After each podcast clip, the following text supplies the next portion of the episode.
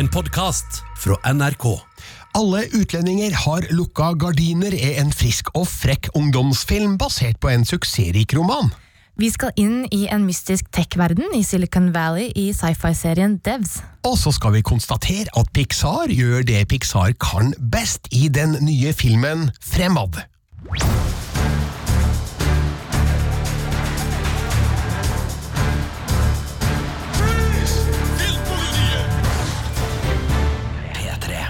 Jeg heter Birger Vestmo. Du heter Miriam Folland. Det er helt korrekt, og vi har begge sett den nye norske filmen Alle utlendinger har lukka gardiner.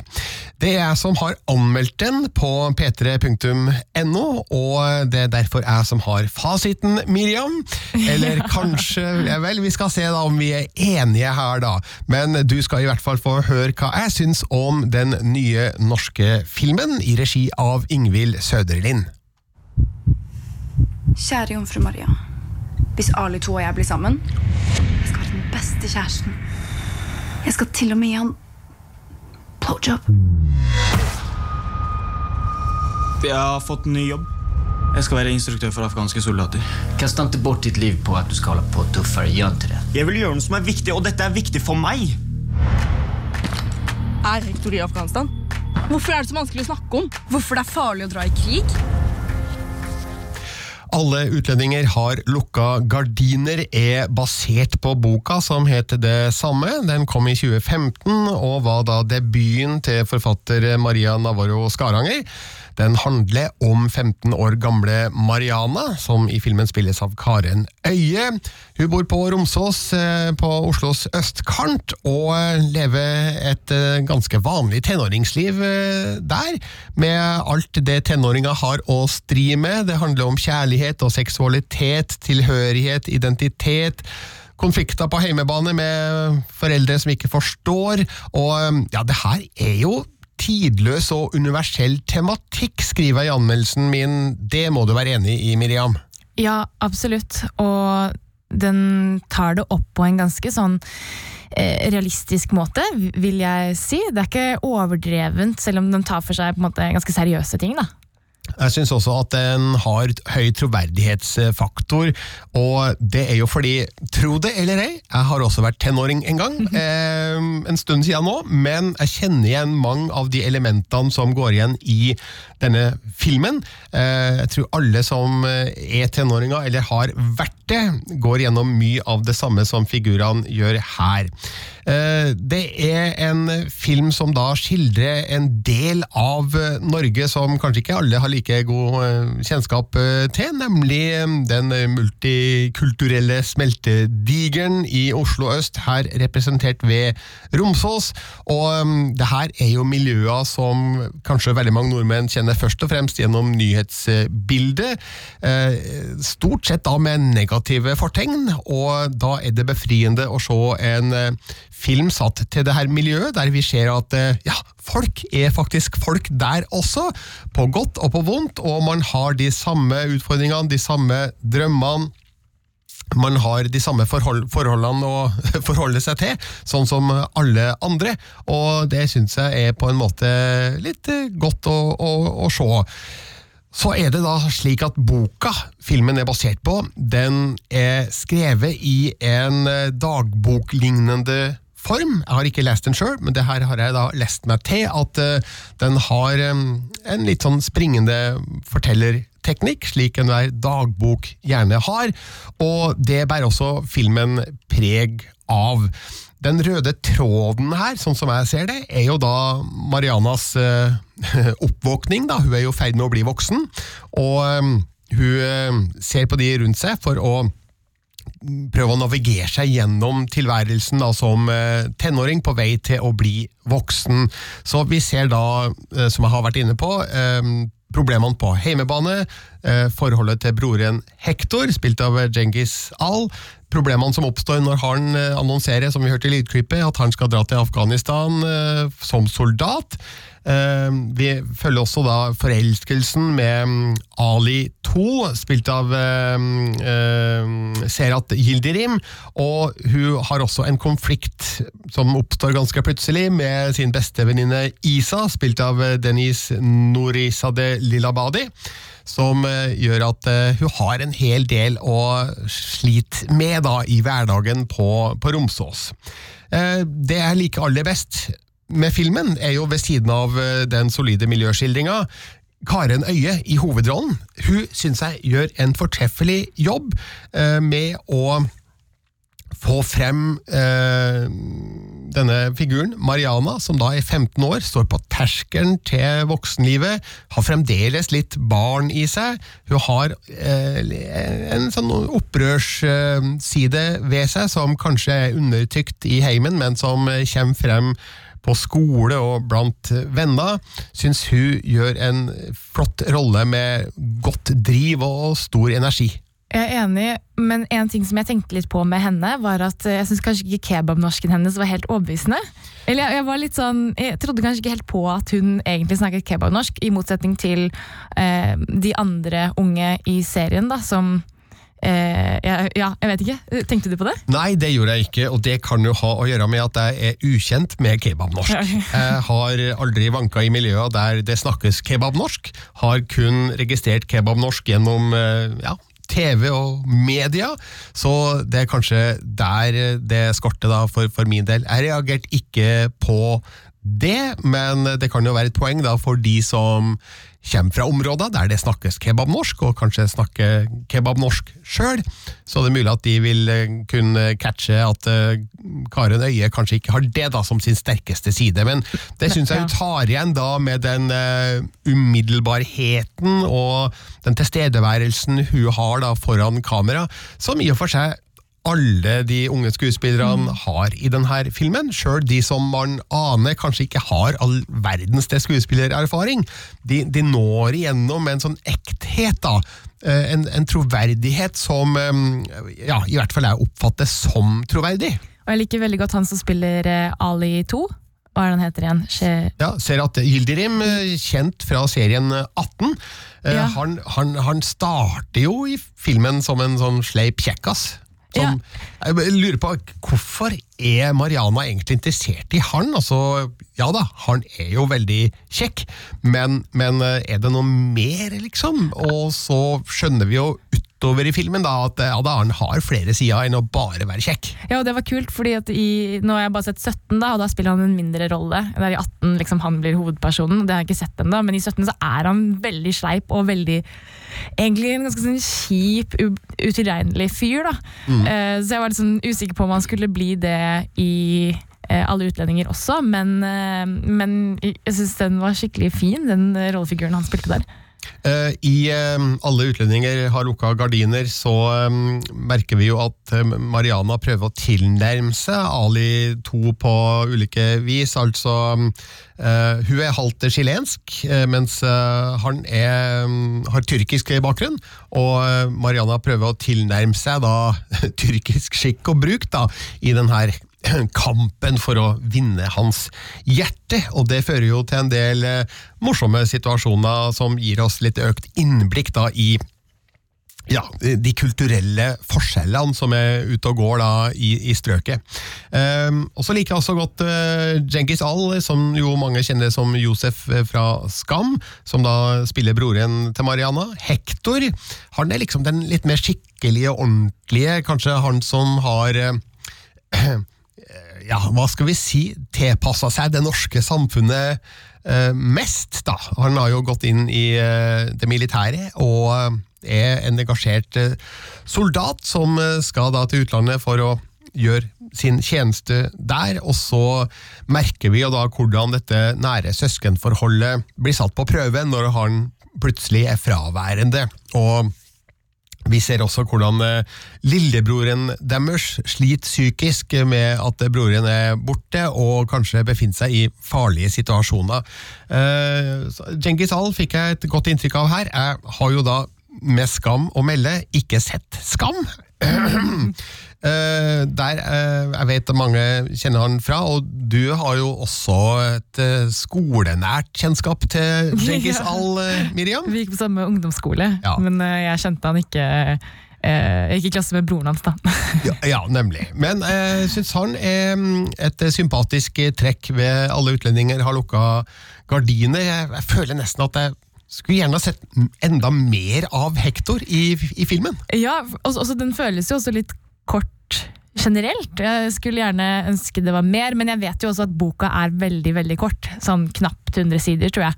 Så, eh, men det hadde vært gøy å se en oppfølger, kanskje? Med litt mer Hektor? Ja, det er jo muligheter for det, for uh, uten at vi selvfølgelig skal Vi skal jo ikke avsløre hvordan det hele går, men um, det, det bygger seg opp da til mm, et arrangement på slutten av filmen, og jeg tenker at der hadde muligens vært eh, rom for mer enn det vi får. Det er litt fort unnagjort, eh, klimakset. Plutselig så kommer rulleteksten, og jeg var egentlig ikke forberedt på at det var ferdig der, men eh, det var det altså, og så vet jeg ikke helt om jeg skal kalle det et negativt aspekt ved filmen, eller at det faktisk er bra at en film slutter når den slutter, at den kjenner sin besøkelsestid, og ikke ja, og ikke tvære det, det ut. Så um, eh, jeg skal ikke trekke veldig mye i kar karakter for det. Eh, Jeg trekker litt i karakter for alle utlendinger har lukka gardiner. Og det går mm, mest av alt på visse elementer i historiefortellinga som jeg oppfatter som overtydelig og konstruert. Og der vil jeg spesielt trekke frem eh, duescenen. Det er en eh, sekvens der Mariana kommer over en skada due og er nødt til å ta en avgjørelse. Og så i scenen etterpå så begynner faren hennes, som ikke aner noe om denne duehistorien, å fortelle en historie om sin onkel, og hvordan han en gang kom over en skada due som han da tok til seg. Og ja, det virker veldig konstruert og tilgjort, og litt for tilfeldig til å, til å fungere ordentlig. Det er ikke en stor del av filmen, det er bare et, et lite eksempel da på um, et punkt der jeg tenker at uh, filmen ja, kanskje mangler noe, eller uh, at historiefortellinga blir for enkel. Eh, den sliter litt også med dette at den er litt for flytende og fragmentert, akkurat sånn som boka. Eh, det er en del konflikter i filmen som dukker opp veldig, veldig plutselig. Ja. Veldig, veldig brått. Og så plutselig så er de over igjen, uten at noe egentlig har skjedd i mellomtida. Og jeg vet ikke, det er kanskje sånn det er å være 15-16 år, og man eh, har litt kort lunte, og plutselig så bryter ting løs, og så er det over igjen. Det er vel kanskje sånn det er for noen, men jeg tenker at i filmen så blir noen av disse konfliktene, konfliktene litt for enkelt skildra. Ja, det er et godt poeng. Jeg tenkte også på at jeg synes at oi, her eskalerte den krangelen fra 0 til 100 eh, på ett sekund. Det er ikke så troverdig, men når du sier det nå, så kommer jeg på hvordan jeg var med moren min da jeg var ungdom, og kunne, da gikk det jo fra 0 til 100. Man hadde jo ingen rundt det når det kom til foreldrene sine, så, eh, eller venner også, for den saks skyld. Så ja, det er, det er kanskje noe der, men for historiefortellingen så er det jo Ja, det er et godt poeng. Det er en ting jeg reagerte på ved filmen, og nå vet jeg ikke om det, om det her kan sies å være det, det er ikke negativt ment overfor filmen, men jeg ble overraska over eh, deler av miljøskildringa eh, som, som fremstår som eh, Altså, miljøet blir skildra som om det er veldig fremmedfiendtlig og fordomsfullt, og ikke minst homofobt, som jo er en eh, viktig del av filmen. Eh, Eh, Det er mye positivt eh, ved skildringa av eh, Romsås-miljøet i filmen, men akkurat her tenker jeg at eh, oi, er det, er det så brutalt? Jeg, jeg, tror, kanskje det er noe realitet i det.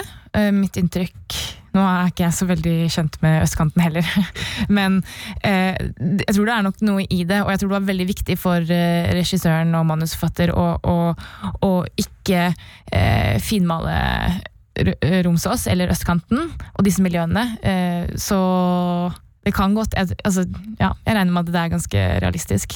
Og kanskje spesielt sånn homofob-blikket, da. Fordi det tror jeg er eh, ganske vanlig på ungdomsskolen. At man er eh, en homofober, og kanskje nå, Dette her vet jeg ikke, da, men kanskje litt ekstra i eh, noen religiøse miljøer. Jeg, jeg vet ikke. Det kan være, men i hvert fall så tenker jeg at eh, det her gir jo historien og miljøskildringa en slags balanse. da. Eh, Det er ikke rosemaling, det er rett og slett eh, en ærlig fremstilling kanskje av hvordan miljøet kan fremstå på, på Romsås. I hvert fall sånn som eh, filmen vil ha det, da. Ved, med Ingvild Søderlind som regissør, som eh, er oppvokst på østkanten i Oslo. og vil mene at hun Jeg tenker hun vet kanskje hva hun snakker om, da, eller hva hun skildrer Ja. på, på film. Så jeg har stort sett eh, positive ting å si om alle utlendinger har lukka gardiner. Jeg har gitt en, eh, en firer på, på terningen. Eh, Overskrifta på, mm, på nett, der anmeldelsen fins, på p3.no, er 'Frisk og frekk film om et fargerikt fellesskap'. Det var mange f-er på en gang der. Så det var den offisielle meninga fra Filmpolitiet. Men du som også har sett filmen, Miriam, er du enig, eller er du uenig? Jeg er veldig, veldig enig. Veldig, ja.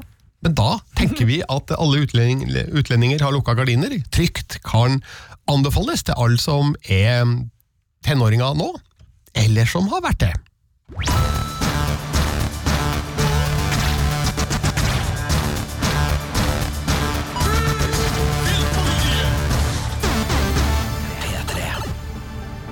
Skal vi over til HBO og en ny serie som du har sett eh, to episoder av, Miriam. ja, Alex Garland, ringer det noen bjeller? Ja, det gjør det. Det er regissøren av um, Ex Machina og um, Annihilation. Ja, helt riktig. Eh, og det- er jo to eh, sci-fi-filmer. Ganske, eh, ganske populære sci-fi-filmer. Og nå har han da laget en miniserie med eh, blant annet Nick eh, Offerman i hovedrollen, som en da eh, tech-selskap-grunnlegger. The last time I saw him, he was headed toward Devs. And then he disappears. Something bad happened to him. You know what happened to him. What is Devs? This is the only principle you need to understand. Nothing ever happens without a reason. Everything was determined by something prior. Life is just something we watch unfold. Og denne serien heter da altså Devs. Og hva er det, Miriam? Jo, um, dette selskapet som da eh, Nick Offerman rollefigur Forrest har, eh, har skapt, er et veldig sånn cutting edge, eh, eh, høyteknologisk eh, selskap i Silicon Valley som heter Amaya. Og der driver de med eh, kvantefysikk, eller kvanteteknologi, og eh, sånn eh, kunstig, kunstig intelligens og diverse sånn cutting edge-teknologi og koding og data og sånn, sånn ord, ord som jeg egentlig ikke kan så mye om. um, og de har da en spe, spesiell avdeling, og den heter Devs, og den er kjempehemmelighetsbelagt. Den er sånn, Ingen vet hva som er der utenom de som jobber der, og de får ikke lov å si noe om det. Og den er veldig veldig sånn mystisk og off campus, altså, eller off, øh, resten av øh, selskapet. Man må gå gjennom en skog for å komme dit, og det er, det er veldig sånn eh, veldig mystisk og spennende og sci-fi-ete. Um, men historien vi følger, da, er jo da eh, en karakter som heter eh, Lilly, spilt av Sunoya Mizuno, eh, som eh, prøver å finne ut hva som skjedde med kjæresten hennes, som også jobbet i Emaya, men som skulle da bli innledet i Devs-avdelingen. Eh, og etter første dag kommer ikke tilbake, og så blir han borte. Og så prøver hun å finne ut av hva som har skjedd, da, og aner litt eh, ugler i mosen. Og så, ja. så i tillegg til en veldig sånn spennende sci-fi-tech-verden, så er det også konspirasjon og spionasje, og litt sånn som det skal handle om, da. Dette er interessant. Eh, jeg merker meg at eh, Nick Offerman spiller da altså en av rollene her. Ja. Eh, altså, han er jo for meg kun kjent som Ron Swanson i komiserien Parks and Recreation. Er det mulig å ta han alvorlig i Devs. Jeg skulle ikke, jeg skulle ikke trodd det, fordi jeg også bare åh, yeah, Ron Swanson, her kommer det en morsom type.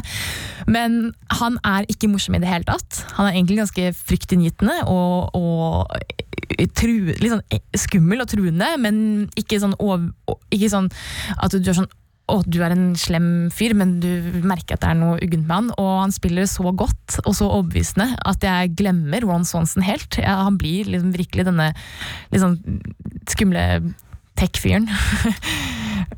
som er, man merker jo, Han har jo veldig mye makt, han er ekstremt rik og eier dette store selskapet.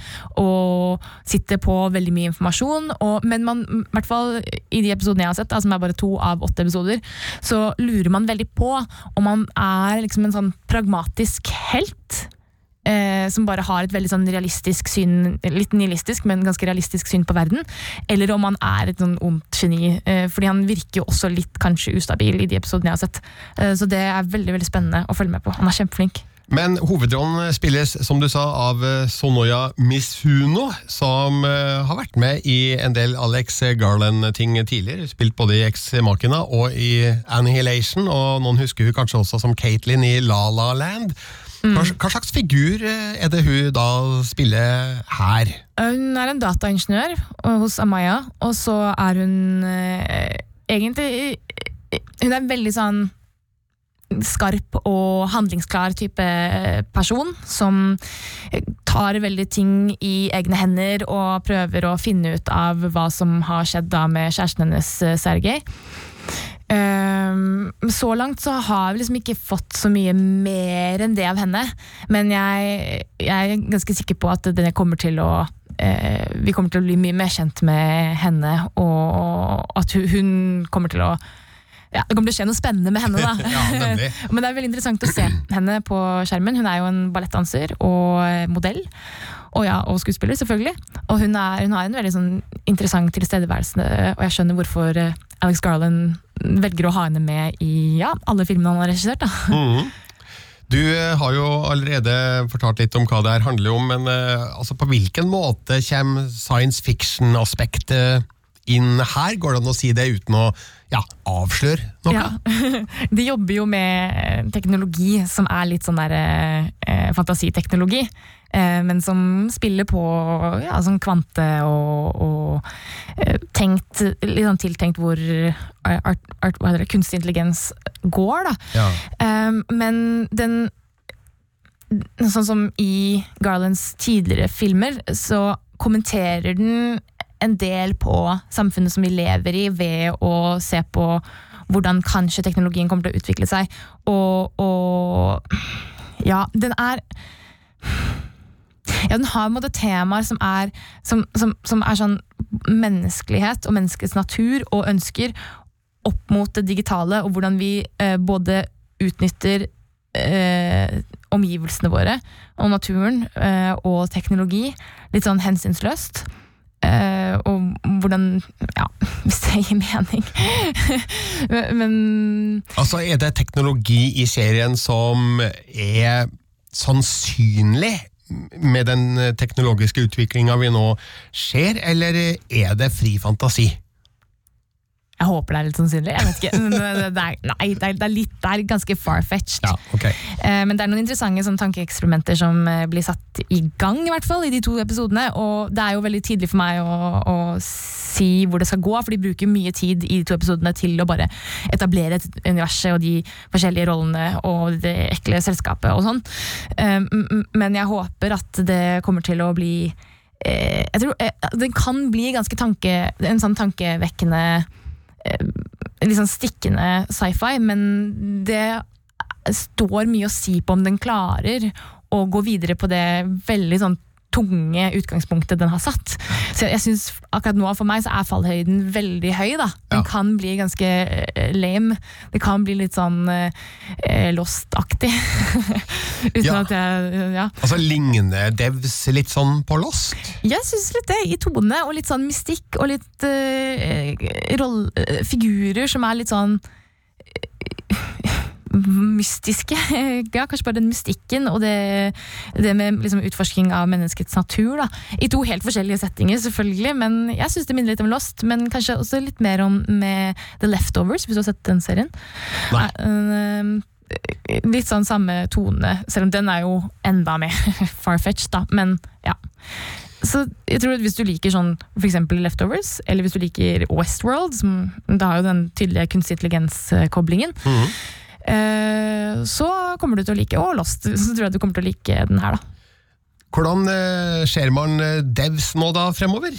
Jo, Devs er jo da en miniserie, så det blir bare åtte episoder, og de er To av de ligger allerede ute på HBO Nordic, og så kommer det en i uka nå fremover hver torsdag. Har du eh, turt å kaste terningen?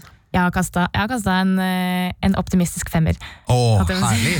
Ja, men du, Devs skal sees, er en hund etter science fiction, og Alex Garland har aldri skuffa meg tidligere, så derfor så satser jeg på at du har eh, rett, eh, Miriam. Takk skal du ha.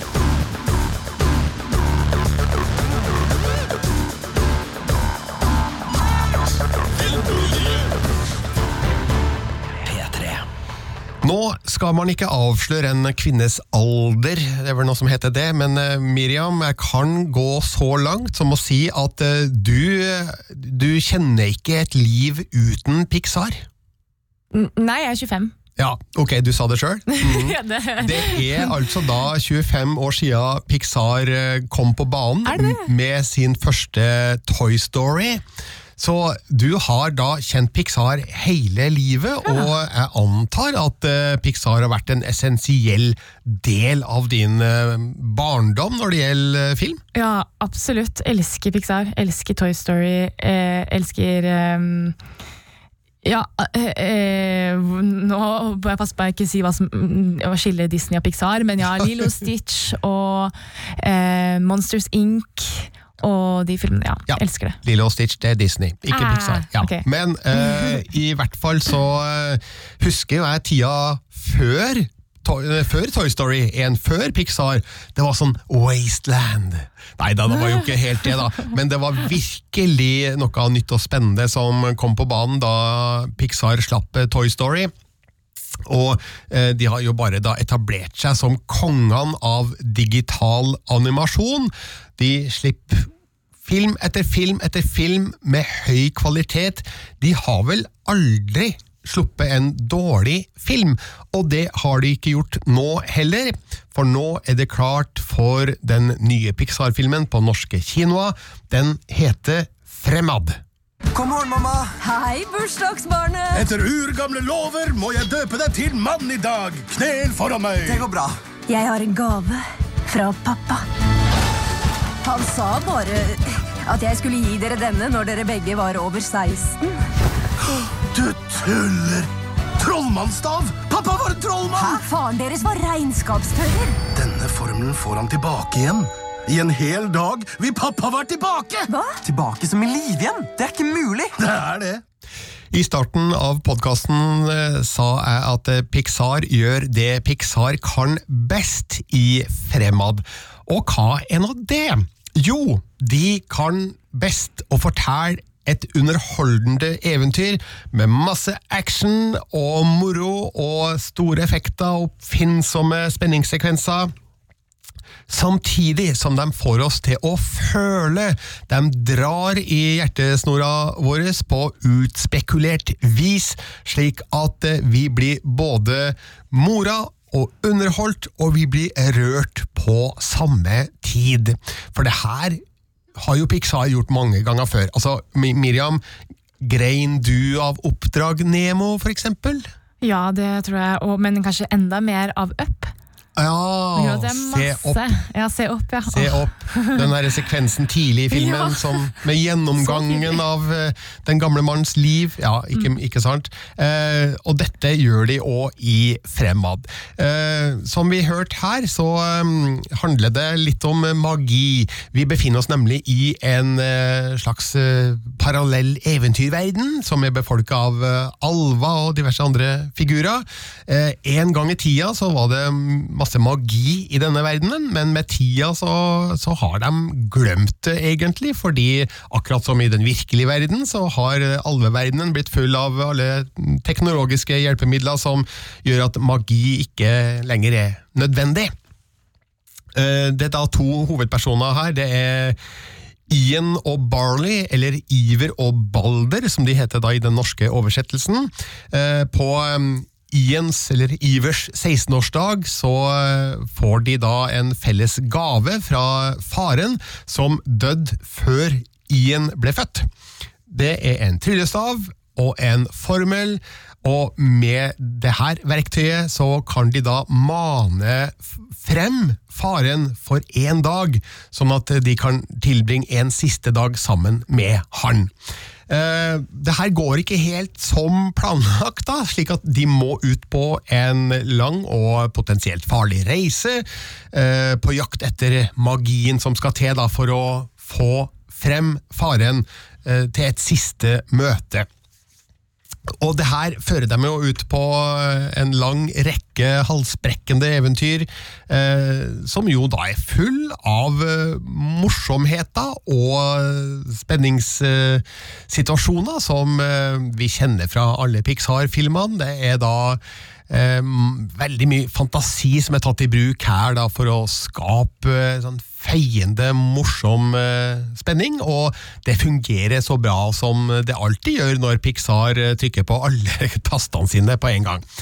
Men samtidig da, så ligger det jo en historie i bånn her som er både sår og vond og, og rørende, fordi det er jo et eh, savn inni bildet her etter faren, som Iver aldri har møtt, og som eh, Balder så vidt husker.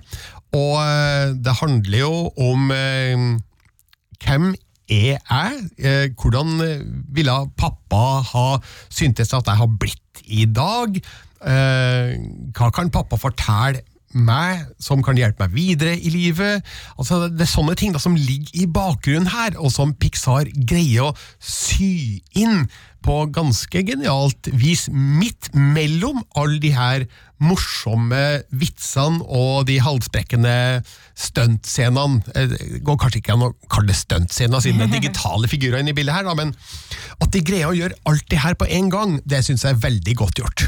Jeg har lengtet litt etter en litt sånn eh, en eh, mer sånn magisk og, og frisk Disney-Pixar-film. Eh, sånn som i fjor så var det jo bare Det var oppfølgere av Frost, og, og Frost er jo ganske magisk, men eh, jeg fikk liksom ikke den undrende, fantasifulle følelsen igjen da, av Frost 2, og samme med Moana, selv om jeg elsker den filmen, og, og, og, og, Coco også, men jeg savnet litt den derre Kanskje litt den som jeg fikk av uh, inns, Innsiden ut, Ja. som var litt sånn Oi! å, her er en helt ny liksom, tankeverden på en måte, mm. å, å, dy- å dykke inn i. Og det høres ut som jeg får det i Fremad. Ja, på en måte så kan du jo si at du får det, for det er jo en eh, ny verden i Pixar-sammenheng som åpner for flere muligheter. Eh, samtidig så må det nok sies at eh, filmen opererer innenfor en ramme der Pixar har gjort mye før, mm. og som de vet fungerer. Uh, også i, altså, først og fremst Oppdrag Nemo, der handler det også om foreldre og barn problematikk og separasjon, og um, i Toy Story-filmene handler det også om savn og tilhørighet og uh, ja. Og en jeg tenker ganske minner meg, eller jeg tenker at minner meg om den her, da, er jo den Big Hero 6. Ja. Som, hvor han, han mister broren sin, og så har han denne roboten da, som er, på en måte blir en slags eh, eh, Hva heter det? Tar plassen til broren, da. Ja, Det er en Disney-film. Du hopper hele tida mellom Disney og Pixar her, men ja. det er greit. eh, Disney eier Pixar, så de er jo med i samme bøtta, nær sagt. Okay. Så, eh, men eh, det er helt klart det er tematikk som, eh, som, som har vist seg tidligere og fungerer, og det gjør det igjen. Og jeg merker jo at eh, det, det er kanskje ikke store sjanser som er tatt her, men eh, de, det benytter seg av eh, kjente elementer på en måte som likevel fremstår frisk og unik og nyskapende, og det er jo godt gjort, da, sjøl om det er åpenbart at uh, det her er tried and tested fra, fra før av. Tar de noen uh, sjanser når det kommer til animasjonen, lurer jeg på? Fordi Pixar har jo vært uh, hva heter det, the forerunners av sånn type CGI-animasjon. Ja. Men er, er den ganske sånn mm, rett frem? Ja, altså det er strålende animert. Mm. Altså Det er nydelige detaljer, og det er godt designa figurer, og måten de, eh, de skildrer handlinga på, spesielt i actionsekvensene, er virkelig, virkelig fantastisk utført. Eh, Men du er nok i en verden som du muligens har sett før her og der. Eh, altså, Det fins bare så mange måter å skildre en alveverden på, kanskje, men, men måten de har inkorporert alvefigurer og andre eventyrskapninger inn i en verden som er til forveksling lik vår egen, det er ganske morsomt utført her. Men sjølve animasjonen i seg sjøl er vel ikke akkurat uh, nyskapende rent teknisk, så her uh, Det er ikke denne, denne filmen som skal signalisere en, en ny, spennende retning for Pixar. Men Pixar er rett og slett best på det de gjør. Så selv om de ikke tar enorme sjanser med denne nye filmen, så er Fremad en, en film som vil tilfredsstille både liten og stor, men kanskje på litt sånn forskjellige grunnlag, da, akkurat som de fleste andre Pixar-filmene. Det er masse fart og spenning og moro på overflata for de unge, og så er det en dypere historie bak da for de voksne. Så derfor så måtte jeg rett og slett gi en god femmer på terningen til Fremad, som du kan se på kino i både originalutgave, da med Tom Holland og Chris Pratt i de viktigste stemmerollene, men du kan selvfølgelig også se den i en norsk dubbing, og jeg antar at de aller fleste vil se den på det viset, og det fungerer stort sett veldig godt, fordi norsk dubbing holder høy kvalitet.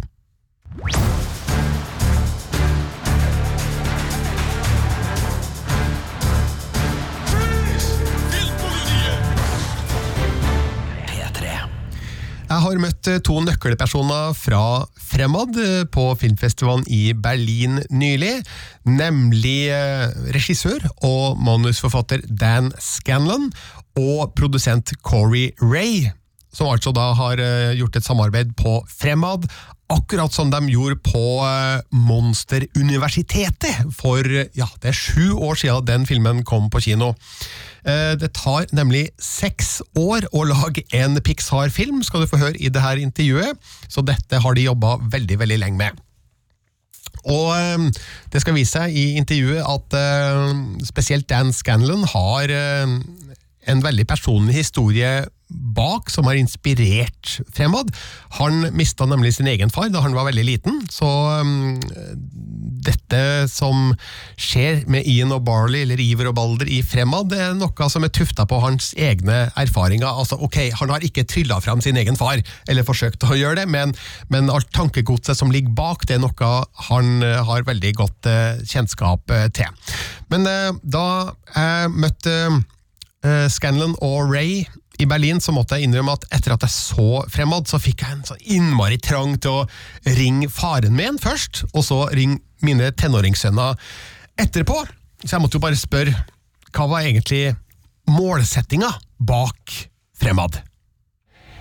Immediately after the screening, I felt a strong urge to call my dad and my two teenage sons. so I guess thank you for that.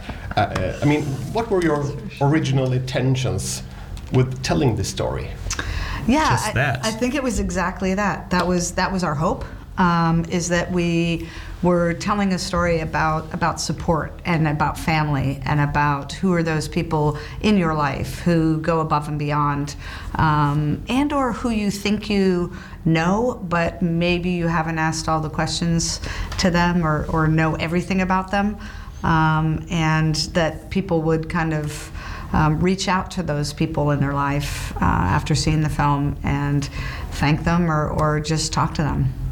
Dan, you've already spoken about how this movie is drawn from your personal uh, experiences uh, with the loss of your father. Yeah. What made it interesting for you to turn that into this? Well, again, it, because it is something personal, because it's um, because I've always wondered who my dad was and, and how I was like him, uh, especially when I was the age of the boys in the movie, teenage, uh, teenage. I wondered, you know, what kind of adult am I going to be, and if I had an opportunity to meet him, what would I learn, and what would I, what would I want to, him to know about who I became, and um, that was just something that was so special to me and so on my mind and dear to me that I knew, you know, it takes six years to make a Pixar movie, so it has to be something you care about and love. And I knew that was a topic I could I could talk endlessly about and and explore endlessly. And then it helped that Corey and a lot of the people on the team saw themselves in the movie too. In the same way that you mentioned, you know, calling your family. They started talking about people in their lives that were important to them, and it felt like this is something we can all do together that we want to put out in the world. And yeah. Yeah. It's not the first Pixar movie with themes of love and loss and longing. Why is that so important for the company? It's a great question. Um, I think, again, it's just anything that kind of comes from an honest place. Um, and we can tell stories and, and within in animation and allow people to kind of lean in and via the fun and the adventure and all of that, but then kind of be swept up in the emotion of it. So there, there's a little doorway in, I think, because of um, of the medium and because of kind of the not everybody's expecting maybe that gut punch of emotion, and um, so I think that's what that we kind of go for in our films. So when we're talking about Onward now, it sounds like an emotional drama. It's also an action-packed adventure. Thank you How- for. But how do you plan that? How do you plan tugging our heartstrings while also keeping the action flowing?